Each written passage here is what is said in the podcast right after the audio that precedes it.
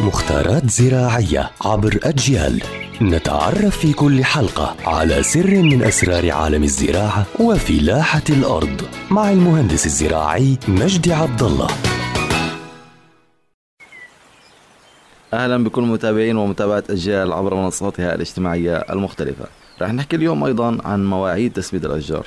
دائما يا إخوان يعني الأشجار خصوصا بالسماد العضوي سواء كان بقر الله يعزكم أو دجاج ممنوع أنه ينضاف في كل الأوقات. في ففي موعد لتسميد الأشجار وهو في نهاية فصل الخريف أي في الشتاء.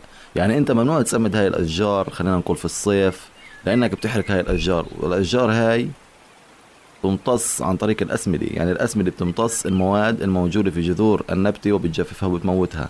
فموعد إضافة السماد هو في نهاية فصل الخريف وفي الشتاء حصرا وبعد سقوط 70 ملم مطر. طبعا هاي بالنسبة لموعد تسميد الأشجار.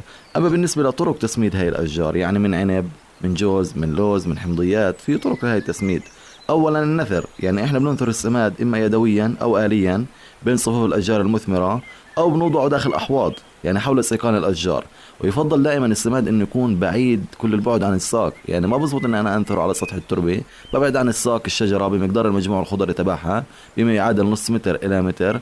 ويفضل وضع السماد أيضا في التربة. يعني بحفر له بمقدار 40 سم ويوضع داخل التربة. الطريقة الثانية طبعا إذابة السماد في مياه الري عن طريق استخدام نظام الري بالتنقيط.